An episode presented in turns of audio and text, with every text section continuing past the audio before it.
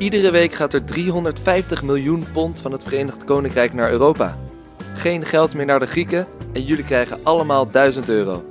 Allemaal leugens en valse beloftes over geld en de EU. Ja, En vandaag gaan we het hebben over de economie van de EU samen met hoogleraar Barbara Baarsma. ja, ja, ja, dames en heren. Welkom bij de Kiesmannen in Europa, de podcast waar Dylan Ahern en ikzelf de komende weken de Europese Unie in zullen duiken. Ja, en vorige week begonnen we met een verhaal over hoe de EU is ontstaan en wat er zoal aan de hand is vandaag de dag. Dit deden we met eh, Felix Klos, politicus en historicus die een boek schreef over Churchill.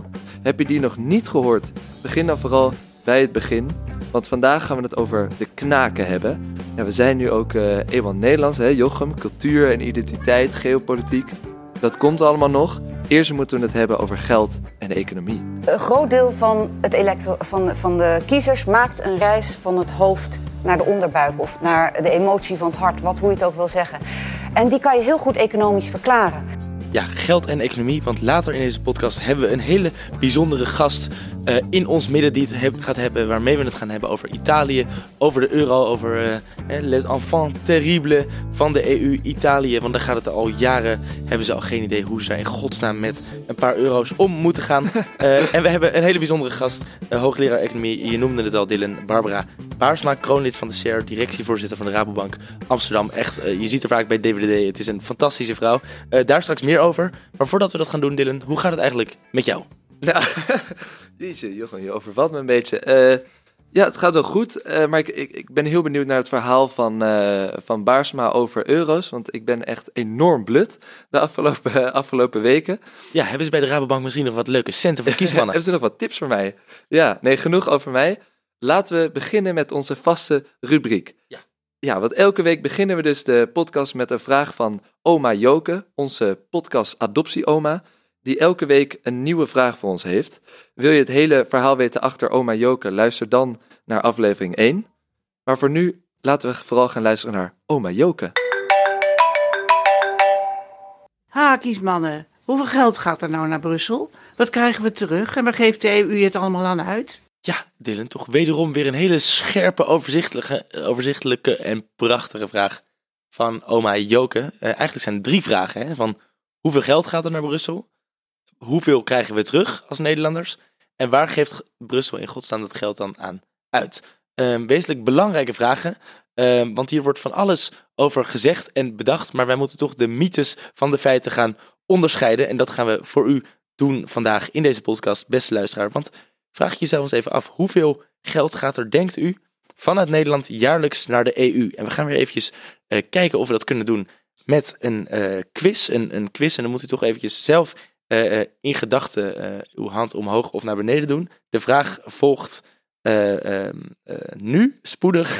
dat is namelijk, hoeveel geld gaat er vanuit Nederland jaarlijks naar de EU? Is dat handen omhoog 7 miljard?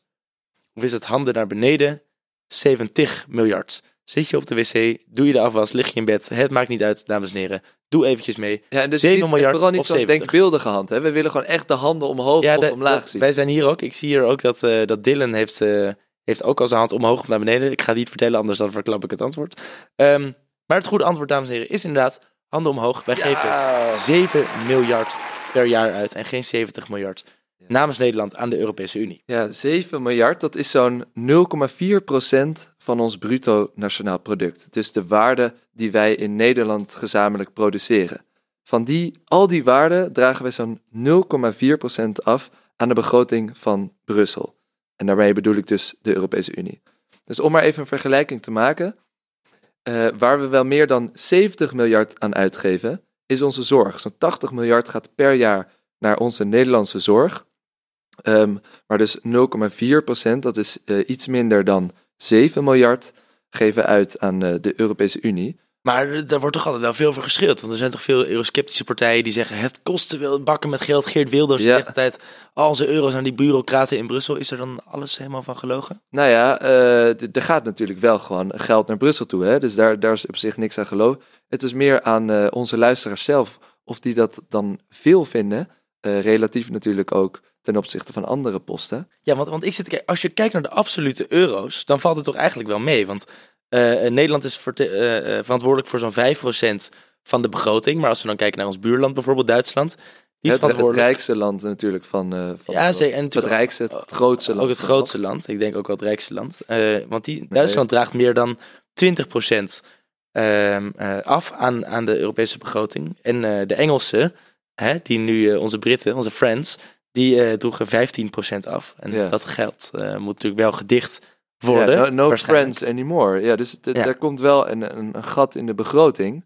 En die eh, veel eurosceptische partijen staan natuurlijk te popelen om te, te zeggen van ja, er moet er weer meer geld naar Brussel toe, waar ze helemaal geen zin in hebben.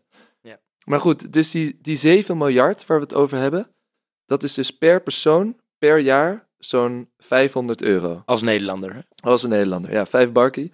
Eh is ongeveer de prijs van een Fairphone of een eh, hele scare iPhone. Ja, Dylan heeft dus een Fairphone, maar die werkt voor geen reet. Nee, hey, nou, niet zo afkijken, joh, dat valt best mee. Hij is heel fair, maar ook dus echt precies wat je denkt dat het is. Ja, Gewoon- fair. gewoon- Gewoon, een fair phone. Gewoon Ja, goede gewoon- zeven. Echt nog een soort van Nokia. Nee, Jochem, ik goed. vind, vind niet, het is immoreel om dit zo af te kraken. Als we het nu toch over geld hebben, investeren ze in een telefoon, Dylan. Jezus, man. Maar goed. Ehm, je, zei, je die 7 miljard, dat klopt natuurlijk niet helemaal, want daar krijgen we ook dingen voor terug. Dus we geven inderdaad 7 miljard per jaar uit aan Europa namens Nederland. Maar wat krijgen we daarvoor terug? Eh, eh, zo ruim 3,5 miljard ehm, in, in beurzen van de wetenschap, eh, die bijvoorbeeld meerjarige onderzoeken financieren. Dat doet de EU. Ook onze Erasmus-programma's, het financieren van natuurgebieden en landbouw in Nederland. Dat zijn allemaal Euro- Europa-subsidies. Ik verspreek me. Europa-subsidies. Subsidies. Ik krijg het er helemaal warm van, denk ik. Ja, kregen wij maar een Europese wij, subsidie. maar, wij krijgen er niks voor terug. Maar goed. Ehm, Nee, dus eh, even voor de helderheid. Er ja. gaat dus 7 miljard naar de Europese begroting toe. En wat weer terugkomt in weer allerlei verschillende fondsen, subsidies, is zo'n 3,5 miljard. Daarnaast moeten we natuurlijk wel realiseren dat ook heel veel MKB, midden-kleinbedrijven in Nederland en grote multinationals enorm gebaat zijn bij eh, eh, open grenzen eh, en enorm exportland. Is 70% volgens mij exportland. Inderdaad, harmoniseren van standaarden. Dus we hebben het nu gewoon echt over de harde euro's die naar de begroting toe gaan en weer terugkomen. Maar over alle economische voordelen die Nederland heeft en geniet dankzij de Europese Unie. Daar kunnen we het allemaal niet over hebben. Nu gaat het echt even over die keiharde financiën. Precies. Eh, dus even voor, voor oma Joke. De vraag 1 en 2 zijn volgens mij inmiddels beantwoord. Eh, hoeveel gaat er naar EU? Zo'n 7 miljard. Hoeveel komt er terug? Nou, technisch gezien 3,5 miljard. Maar eigenlijk natuurlijk veel meer als je kijkt naar eh, hoeveel wij exporteren aan onze buurlanden. Zo'n 70% van onze export gaat naar Europese landen. Heb ik mij laten vertellen onlangs. Ehm, totale begroting van de EU is 160 miljard. Dylan, vertel, waar gaat dat in godsnaam naartoe? Precies. Nou, ehm, dat zijn natuurlijk een hele hoop posten. Hè? En daar... Eh, even snel. Oké, nou even snel. Eh, snel, snel en duidelijk. Ja. Snel en duidelijk. Nou, daar gaan we. Een van de grootste posten van de Europese Unie is er nog steeds. De grootste kostenposten zijn die landbouwsubsidies. Je noemde het net al even, ook Nederlandse boeren maken daar gebruik van. Maar om het even kort uit te leggen, ik ga heel erg mijn best doen, moeten we even terug in de tijd. Dat is wel een interessant verhaal namelijk. Want eigenlijk al bij de oprichting van de Europese Economische Gemeenschap in 1958 was het eigenlijk nog best een simpele kwestie. De deelnemende landen die haalden wat invoerrechten en quota weg voor handel in producten. Maar landen hadden voor landbouw een heel ingewikkeld systeem met allerlei verschillende subsidies en prijssteunen om één, de boeren van een stabiel inkomen te voorzien en twee, een stabiele voedselvoorziening te regelen. Nou, nu was het heel gemakkelijk geweest om al die verschillende markt of om die gemeenschappelijke markt alleen voor industriële producten te regelen. Ja. Maar de Fransen, hè, die heel veel kaas maken, de camembert, de chardonnay, je kent het wel, die wilden ook heel graag voor de landbouw zo'n gemeenschappelijke markt regelen. En die vreesden heel erg voor de Duitsers die wel juist een sterke industrie hadden. Dus die Fransen drongen er heel erg op aan om ook een gemeenschappelijk landbouwbeleid in te voeren, wat, uit, wat, wat uiteindelijk leidde tot het kunstmatig hoog houden van prijzen op bepaalde producten als melk en boter en daarmee dus ook de inkomens van die boeren. En, en even heel concreet, 160 miljard, hoeveel procent daarvan gaat naar Europees landbouwbeleid? Nou, in de jaren 80, eh, toen ging er nog zo'n 50%, dus echt de helft van de begroting, eh, ging dus gewoon rechtstreeks in, in die zakken Ja, van die de boeren. boeren, boeren, ongelooflijk. Ja, maar het- Ja. en de, tegenwoordig het is steeds meer afgebouwd. Nu geven we nog zo'n een derde, zo'n 30% of zelfs wat meer dan 30% gaat naar inkomenssteun voor boeren. Ja, deel, lang eh, maar duidelijk verhaal. Eh dankjewel. En dan hebben we natuurlijk ook nog twee andere grote uitgavenposten. Hè? Want Je noemde een, een derde ga- gaat naar die landbouwsubsidies. Eh, ergens is dat natuurlijk ook wel belangrijk voor concurrentiepositie met andere eh, eh, eh, buiten-Europese eh, eh, landen.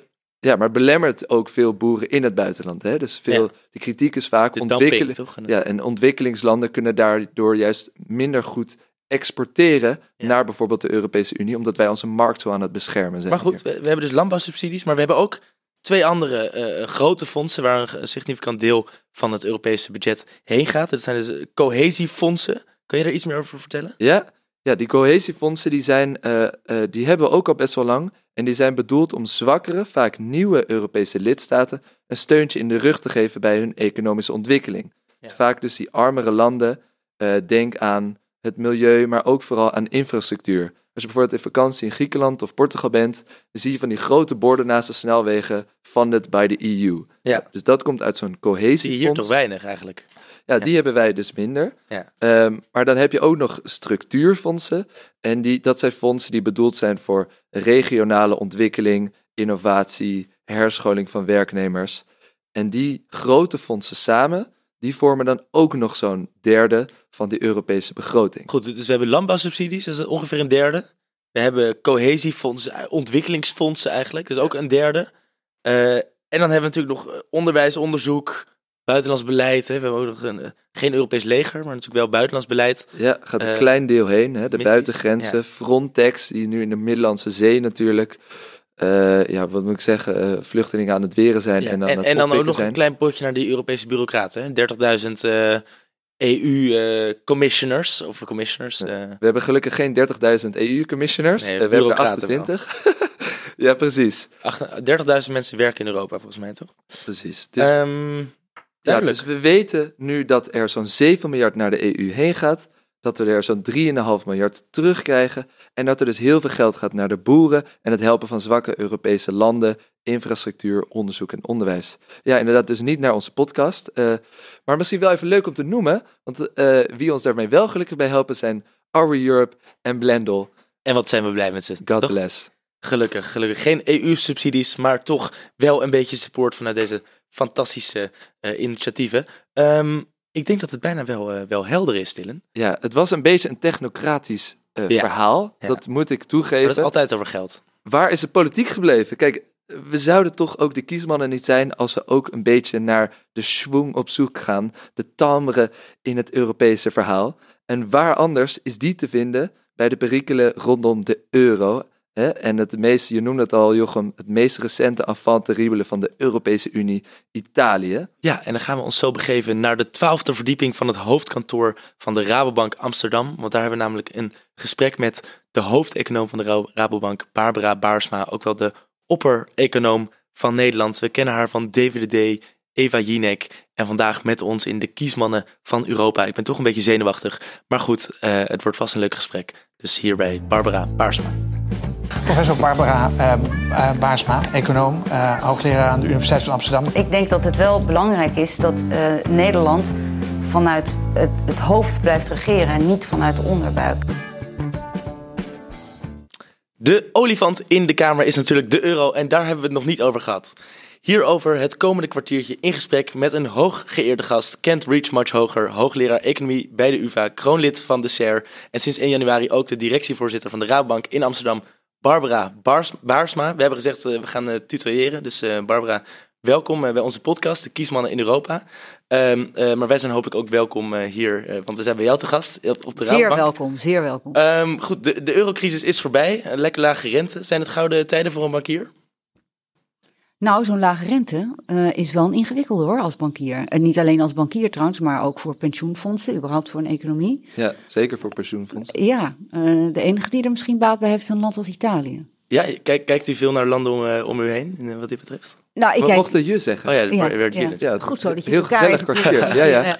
Nee, kijk, de, de- de- natuurlijk kijk ik naar landen om mij heen. omdat Nederland is een prachtig land, maar wij zijn vooral, eh, of wij zijn economisch zeer groot, omdat wij leven van de handel met het buitenland. En 70% van wat wij exporteren gaat naar EU-landen. Sterker nog, 60% van wat we doen, doen we zelfs in de eurozone. En lopen we dus geen enkel wisselkoersrisico. Dus de, zowel de EU, de vrijhandelszone, als, eh, de, of de vrije markt moet ik zeggen, eh, als eh, de eurozone is voor ons buitengewoon belangrijk. Ja, en, en, en waarom beklemtoont u, dit zo? Is dat eh, vanwege de recente provinciale staten-uitslagen? Dat, Nou ja, ik snap wat je bedoelt. Die zijn ge- gewonnen door het Forum voor Democratie. ja, En eh, het Forum voor Democratie is. De het Nexit. zegt niet, ja. het, zegt, het zegt niet dat ze zelf echt voor een exit zijn, maar in ieder geval wil dat bespreekbaar maken. Hè? Of het, ja. blijft dat onduidelijk, maar is voor een referendum daarover. Ik denk niet dat het een goed referendumonderwerp is. Zie Brexit. En Brexit heeft met mensen misschien ook wel enigszins eh, rationeel over dit onderwerp gemaakt. Althans, aan deze kant van de plas, zou ik maar zeggen. Maar ik denk dat eh, een exit zou een buitengewoon slecht idee zijn voor Nederland. Ehm, ik snap wel de negatieve gevoelens die er zijn eh, over de EU als een te weinig democratisch, te weinig transparant. eh, en je, het, het neemt ook bepaalde soevereiniteit van een land weg. Ehm, maar er komt ook zoveel voor terug. Alleen dat laatste komt onvoldoende over het voetlicht. maar wat komt er dan bijvoorbeeld volgens u voor terug?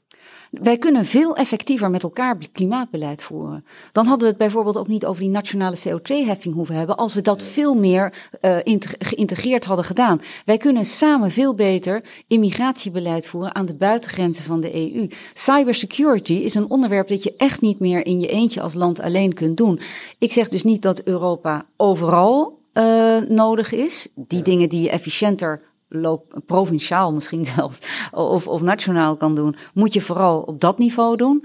Maar eh, anders, dan denk ik dat je Europese samenwerking moet zoeken, omdat het gewoon eh, effectiever en ook efficiënter is. U, noemde twee jaar geleden Europa kleurloos en besluiteloos. Is het inderdaad aan de EU te, te, te wijden, aan, aan de EU als instituut, dat wij nu met een brexit en ook een eh, mogelijk, dat we überhaupt praten over een exit, ligt, ligt dat aan Europa, ligt dat aan Brussel?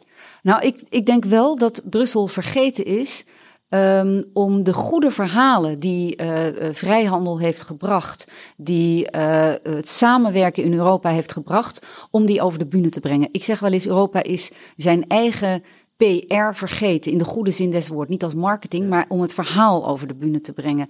En wat zijn nationale politici gaan doen, die zijn eigenlijk op het moment dat er iets, een vervelend besluit moet worden genomen, werd het al heel snel weggezet als Brussels besluit. En was er iets moois dat een Europese grondslag had, dan was het een eigen prestatie. En Europa is daar niet op ingesprongen, heeft niet, um, nou nogmaals, het eigen verhaal verteld. Sterker nog, anekdote. Um, Hiervoor werkte ik uh, bij de Rabobank bij kennisontwikkeling, waar wij een scenario-studie hebben gedaan over de toekomst van Europa. En uh, wij hebben toen contact opgenomen met mensen binnen Europa van, goh, hebben jullie ook goede voorbeelden uitgewerkt over uh, de resultaten van, van de Europese samenwerking? Ja.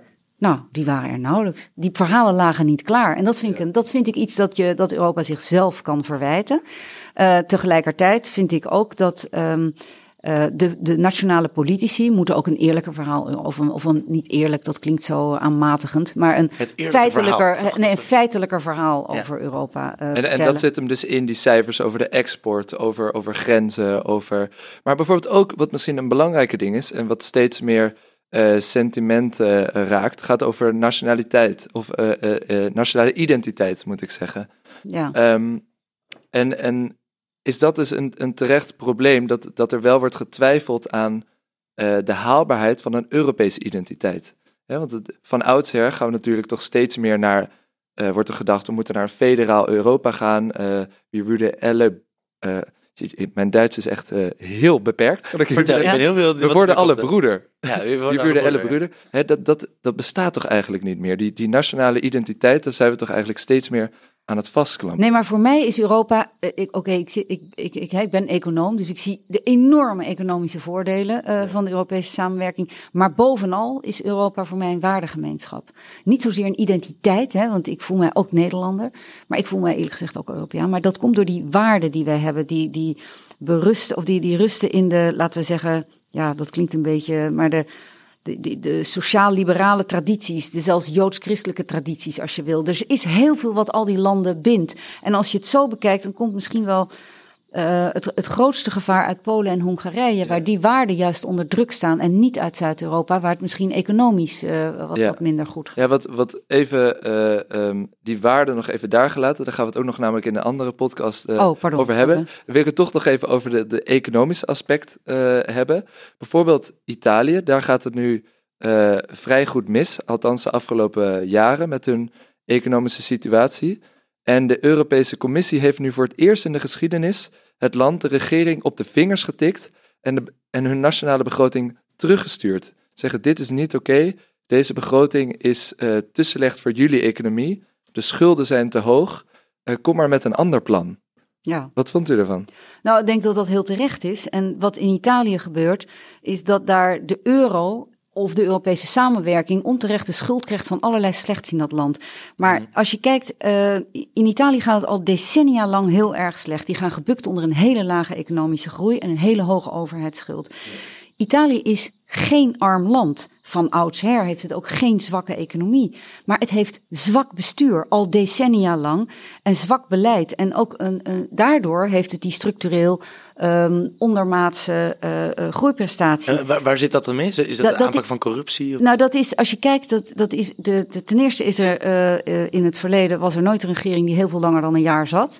Dus je kon ook heel moeilijk beleid maken. Dus die, die, die onmogelijke bestuurbaarheid, maar structureel lage economische groei. Dus dat betekent achter structurele groei zitten dingen als eh, arbeidsproductiviteit die gewoon laag is. De, de, de structuur, de instituties van het land zijn gewoon niet op orde. Corruptie inderdaad, hele omvangrijke zwarte economie, inefficiënte publieke sector, slecht functionerende arbeidsmarkt. Dat zijn allemaal dingen en die had men aan kunnen pakken, juist dankzij het lidmaatschap van eh, de EU, meer handelen. Ze hebben nog best grote industrie in Italië. Nou, He- dat- Heeft de EU daar te weinig op eh, eh, straf op ingezet? Vind je het eigenlijk te laat dat ze nu pas met sancties komen op nee, maar Italië? dit is de pijn Nou, van de geen hele sancties eurocrisis. trouwens. Nog geen sancties. Nee, maar, zijn, maar dit is de, de hele pijn, de, de, de dure les die de eurocrisis ons geleerd heeft, is dat wij onvoldoende, ja ook ten aanzien van Italië, maar ook ten aanzien van andere landen, de afspraken niet waterdicht genoeg, niet expliciet genoeg en niet waterdicht genoeg Ja, hadden wat- gemaakt. En dit is daar een gevolg van. Dus Italië is hier eh, hetzelfde. Ik bedoel, Frankrijk en Duitsland zijn ook een keer door rood gereden. Daar begon de ellende. Ja, want, want- daar kwam ik mee. Want de, de Italiaanse premier die zei inderdaad, het is meten met twee maten. Eh, eh, en dan niet twee maten van Dylan en ik, maar ander, ander soort maten. Eh, want Frankrijk heeft ook al heel lang een begrotingstekort. Is dat dan is dat een terecht punt van de Italianen? Nou, ik vind de, de problemen in Frankrijk zijn ook eh, eh, zeker eh, het bespreken waard, maar zijn wel van een andere orde dan die in Italië, want daar zijn de problemen veel langduriger, massiever. En daar hadden ze, en dat is mijn punt, de schuld was in 2007 100% van het BBP, staatsschuld bedoel ik, en is nu 130%. Maar doordat op die schuld zulke hoge rentelasten zitten, eh, hebben ze keer op keer een begrotingstekort. En dus daarom door die, is het een zo'n zo'n zo'n zo'n self-fulfilling eh, prophecy. ja, en of daar moet wo- op worden ingegrepen. En het probleem bij Italië is, daar hebben ze gewoon nu echt onvoldoende vet op de botten om bij een volgende crisis anticyclisch, dus tegen de crisis in, te kunnen ingrijpen. En dat is wel een probleem. Daar, ja, Frankrijk blijft dat gewoon steeds stug doen. Het is misschien Ja. ook niet goed, maar daar zijn de problemen gewoon van een andere orde. En wat ik denk dat jammer is, is dat Italië het lidmaatschap van de euro, waardoor heel snel de rente daalde, ook in Italië, wat juist een prachtige, vruchtbare bodem is onder het verlagen van je staatsschuld, Ja. niet heeft gebruikt. En ook niet heeft gebruikt om die economie te hervormen. Nou kan je zeggen dat dat Europa zwaarder op moeten sturen, omdat, nadat ze lid waren van de euro. Point taken, waar. Maar Italië is al decennia lang, hè, wat ik net zei, eh, een ondermaatse groei presteren. En dat komt omdat ze al decennia lang niet ingrijpen op de arbeidsmarkt. Niet echt ingrijpen in Maar het, lastige nu natuurlijk is, is dat die regeringsleiders, populistische regering aan de macht in Italië, die zijn al eh, anti-EU. Nu komt de, de, de, de Europese Commissie gaat ook nog eens op de vingers stikken van, van Italië.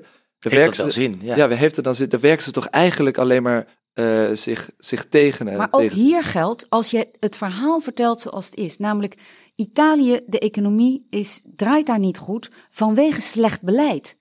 En dat beleid is al heel lang slecht. Maar dat is geen Europees beleid. hoor. Nee, dus als Europa kan helpen om dat beleid beter te maken. En ja, dat zal in het begin even pijn doen, want een arbeidsmarkthervorming kent ook verliezers. eh, dan kan Europa beter zeggen: wij gaan jullie helpen om ja, dit beleid dat, te dat, dat versterken. zegt eh, die regeringsleider van. Eh, wie denkt Brussel wel niet is, dat zij goed weten voor de Italianen wat zij nodig hebben. Je kunt alles kun je negatief eh, framen. Hè? Daar ben ik helemaal met je eens. En daarom begonnen we ook in het begin van wat heeft Europa verkeerd gedaan. Nou, die zou best wel eens een keer een lesjes positief framen kunnen gebruiken. En hier ook. In plaats van met het vingertje te wijzen en alleen maar te zeggen: we gaan u, kijk uit, beboeten als u niet op 2,03 procent, weet ik veel, staatsschuld komt te zitten of begrotingstekort. Sorry, begrotingstekort, dat is. Ehm, dan, eh, dan zwaait er wat. Terwijl als je zegt: we snappen jullie probleem. Eh, jullie hebben eh, problemen op de arbeidsmarkt. Je hebt daar en daar problemen. We gaan jullie helpen.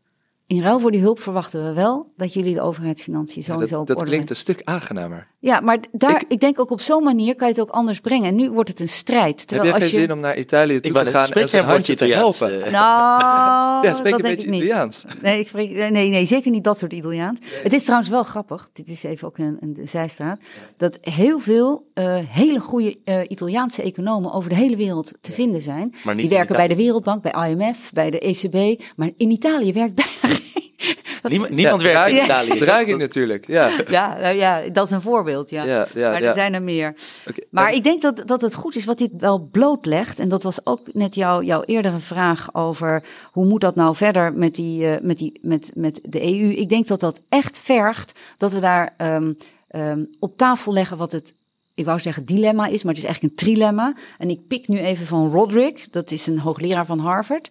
En die, heeft een, eh, die zegt gewoon, er zijn eigenlijk drie dingen waar je er maar twee van mag kiezen. En laten we eens kleur bekennen. Wat zou jij kiezen? Oké, gaan we, dat is ook voor ons, hè? Van, dan mogen wij ook kiezen. Ja, jullie mogen Ja. ook kiezen. Er zijn drie dingen. Het is ofwel eh, je gaat, of je mag dus twee van deze drie dingen kiezen. Economische integratie, dus nog verdere samenwerking op economisch Euro- gebied. Europese economische integratie. Ja, ja. Daar, het gaat steeds over de EU.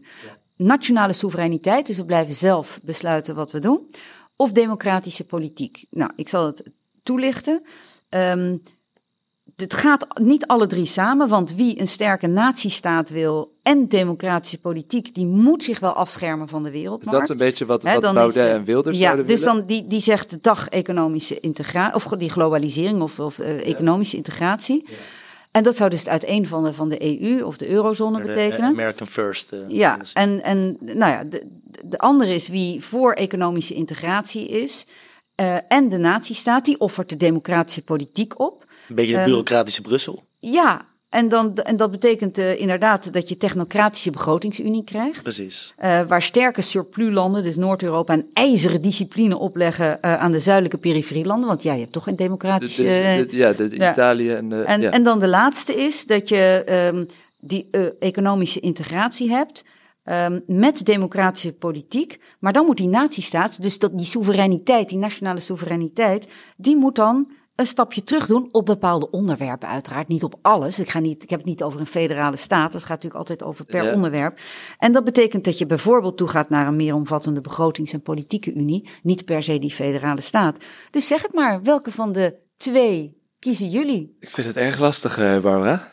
Ik, ook, ik durf het bijna niet te bekennen ook. ja. Ik ook niet. J- Jij zei, jij zei zelf, eh, het opgeven van de nazistaat zie jij wel zitten. op bepaalde onderwerpen Ja. waar ik denk dat een eh, v- diepere samenwerking ehm Wat zijn helpt. nou, kun je Eh, één cybersecurity, twee cybersecurity, klimaat. ehm, Maar dat doen we toch al? nee, dat doen we niet. We, hebben, eh, we werken daar wel een beetje samen, maar ik heb het over verdiepte samenwerking, Ja. nog meer samenwerking.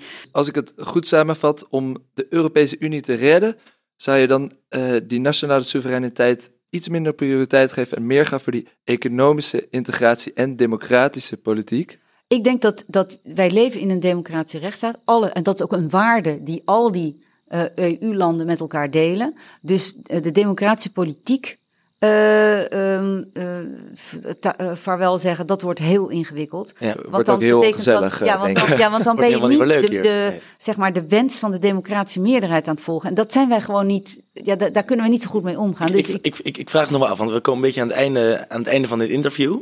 Dit klinkt natuurlijk eh, mooi. Er zijn veel, eh, veel mensen die inderdaad zeggen, we moeten verder integreren. Het is natuurlijk ook wel een vraag nog van, eh, is dit ook realistisch? Zien we dit ook in dit huidige politieke landschap gebeuren? U zei een, paar, paar jaar geleden, destijds, net na het referendum van de brexit, de regeringsleiders schuiven alle netige, netelige kwesties voor zich uit. Dit zal leiden tot het uit elkaar vallen van de EU. Ehm, eh, bent u inmiddels wat positiever gestemd? Of, of, of gaan wij inderdaad af op het uiteenvallen van de Europese Unie?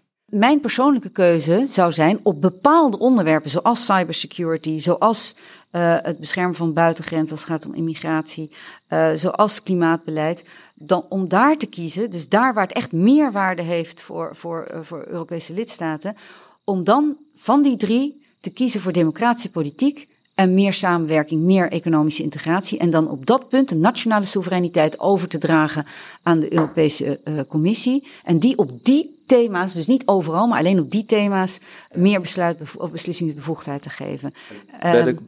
Ik ja. ben ook heel benieuwd wat, uh, wat onze luisteraars uh, daarvan gaan vinden. Wij gaan in ieder geval ook nog een nachtje over slapen, denk ik. Ja, hier moeten we denk ik uh, ook in de volgende podcast nog even op, op terugkomen misschien weer. Ja, om, inderdaad. misschien komen wij dan met een, met een soort antwoord repliek op dit betoog. Maar eerst, of nou eerst, eigenlijk ten slotte, hebben we dan nog een, een laatste vraag zoals elke week. En dat is, um, kijk, als u het nog kan redden, hè, als je het nog kan redden, die Europese Unie. Als jij dan de baas zou zijn, van Europa. Even geen hoogleraar, of dat ben je dan nog steeds. Uh, even geen Rabobank, maar gewoon de baas van de Europese Commissie. Laten we dat even concreet maken. Wat zou dan het eerste zijn dat jij zou veranderen? Even één ding. Ik zou sowieso niet zo negatief zijn als jij bent, als de EU dan nog bestaat. De EU is zo'n grote ja, Ik ben even badkop uh, Ja, dat is prima. Dat, dat, mag je ook zijn. Maar de EU brengt ons zoveel, niet alleen economische voorspoed. Uh, onze groei is zoveel hoger doordat wij lid zijn van de EU. En ja, ook van die eurozone. En ja, de euro heeft ons echt sterker door die crisis geholpen. Hadden we die euro niet, maar dit kleine guldenmuntje, dan hadden we echt misschien wel over het rondje van de afgrond gegaan. Dus het is, ja, de euro kost ons ook uh, uh, geld volgens sommige mensen misschien, maar het heeft ons ook heel veel geleverd. Dus ik ben dus, ten dus principale die, die positief over de EU. Maar ik zou de EU dus uh, verbeteren, nog beter maken. En als je weet dat driekwart van de markt bestaat uit diensten, maar we die markt nog maar heel weinig geïntegreerd hebben, zou ik uh, de, uh, de dienstenrichtlijn weer serieus opnemen en die uh, dienstenmarkten echt ook integreren. En daarmee denk ik dat wij zo 2, 3 procent extra groei krijgen. En nu leveren Jochem en ik een heleboel diensten, een heleboel verschillende diensten.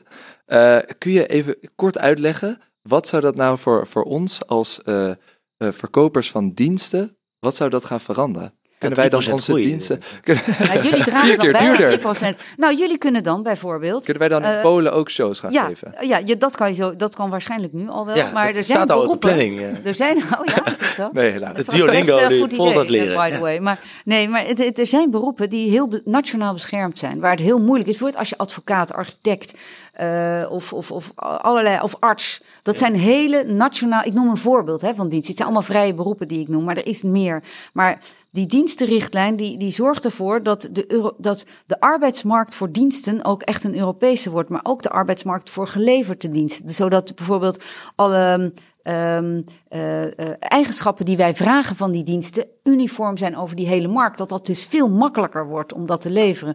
Dus hopelijk is dat, nou, jullie diensten zullen niet heel op, waarschijnlijk niet op heel veel uh, zaken stuiten, nee. maar, maar, maar andere diensten wel. Dus ja. ik, ik, ik, ik zou inzetten op zo'n, op, op, een, op een echt een verdere integratie van de interne dienstenmarkt. De interne dienstenmarkt gaat op de schop en wij gaan shows geven in Polen. Precies, dat, dat staat op de planning. Ik denk dat dat het, uh, dat, dat het was. Uh, Barbara Baarsma, heel hartelijk dank voor je komst. Uh, interessant gesprek en we hopen je snel weer te zien. Dat was Barbara Baarsma. Wij waren bij haar op bezoek hè, met een prachtig uitzicht over de Amstel. En zij kwam daar binnen toen, toen wij zaten. Dat was trouwens eigenlijk wel leuk, misschien om even te vertellen. Mm -hmm. Wij zaten daar op te zetten met die microfoons, noem het maar op.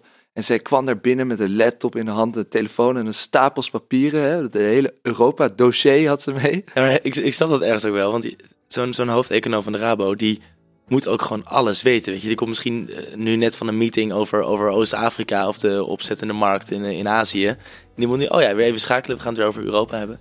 Dus ik vond het ook wel grappig om te zien. Zij moet gewoon zoveel weten van zoveel verschillende thema's. Dat het, uh, nou goed, dat, dat deed ze interessant. Ja. Nou, en op een gegeven moment werd het wel een beetje technisch, hè, met dat Danny Roderick verhaal, die Harvard professor. Over... Ja, dat, dat trilemma. Wat, ja. wat, wat waren het nou? Het was dus of je wil democratie. Nou, we gaan het niet helemaal opnieuw doen, maar in ieder geval het zijn drie dingen. Drie dingen. Democratische politiek, ja. nationale soevereiniteit en economische integratie. Ja. Nou, zoek het maar op. Het eh globalisering trilemma. Twee van de drie, je mag ze kiezen. Het is huiswerk. Eh, en verder, we hebben een beetje dat u en jij zeggen. Het, het is natuurlijk een vrouw van autoriteit. Ja, enorme. Ja, ze heeft natuurlijk heel veel autoriteit. En wij willen dan steeds u zeggen. En dan mag je je zeggen. En dan... Ja. Nou goed, Nou goed. Ehm, voor, voor de volgende keer. voor de volgende keer. In ieder geval, dit, eh, dit was het weer voor deze week. Heb je wat geleerd? Heb je gelachen? Eh, laat het ons weten via een recensie in je podcast-app of anders op social media, Facebook, Insta. Stuur ons gewoon een berichtje. En heb je een vraag of opmerking? Dat mag ook allemaal. Wij waren de kiesmannen. Kritiek ook. Ook kritiek ook, heel graag. Wij waren de kiesmannen in Europa.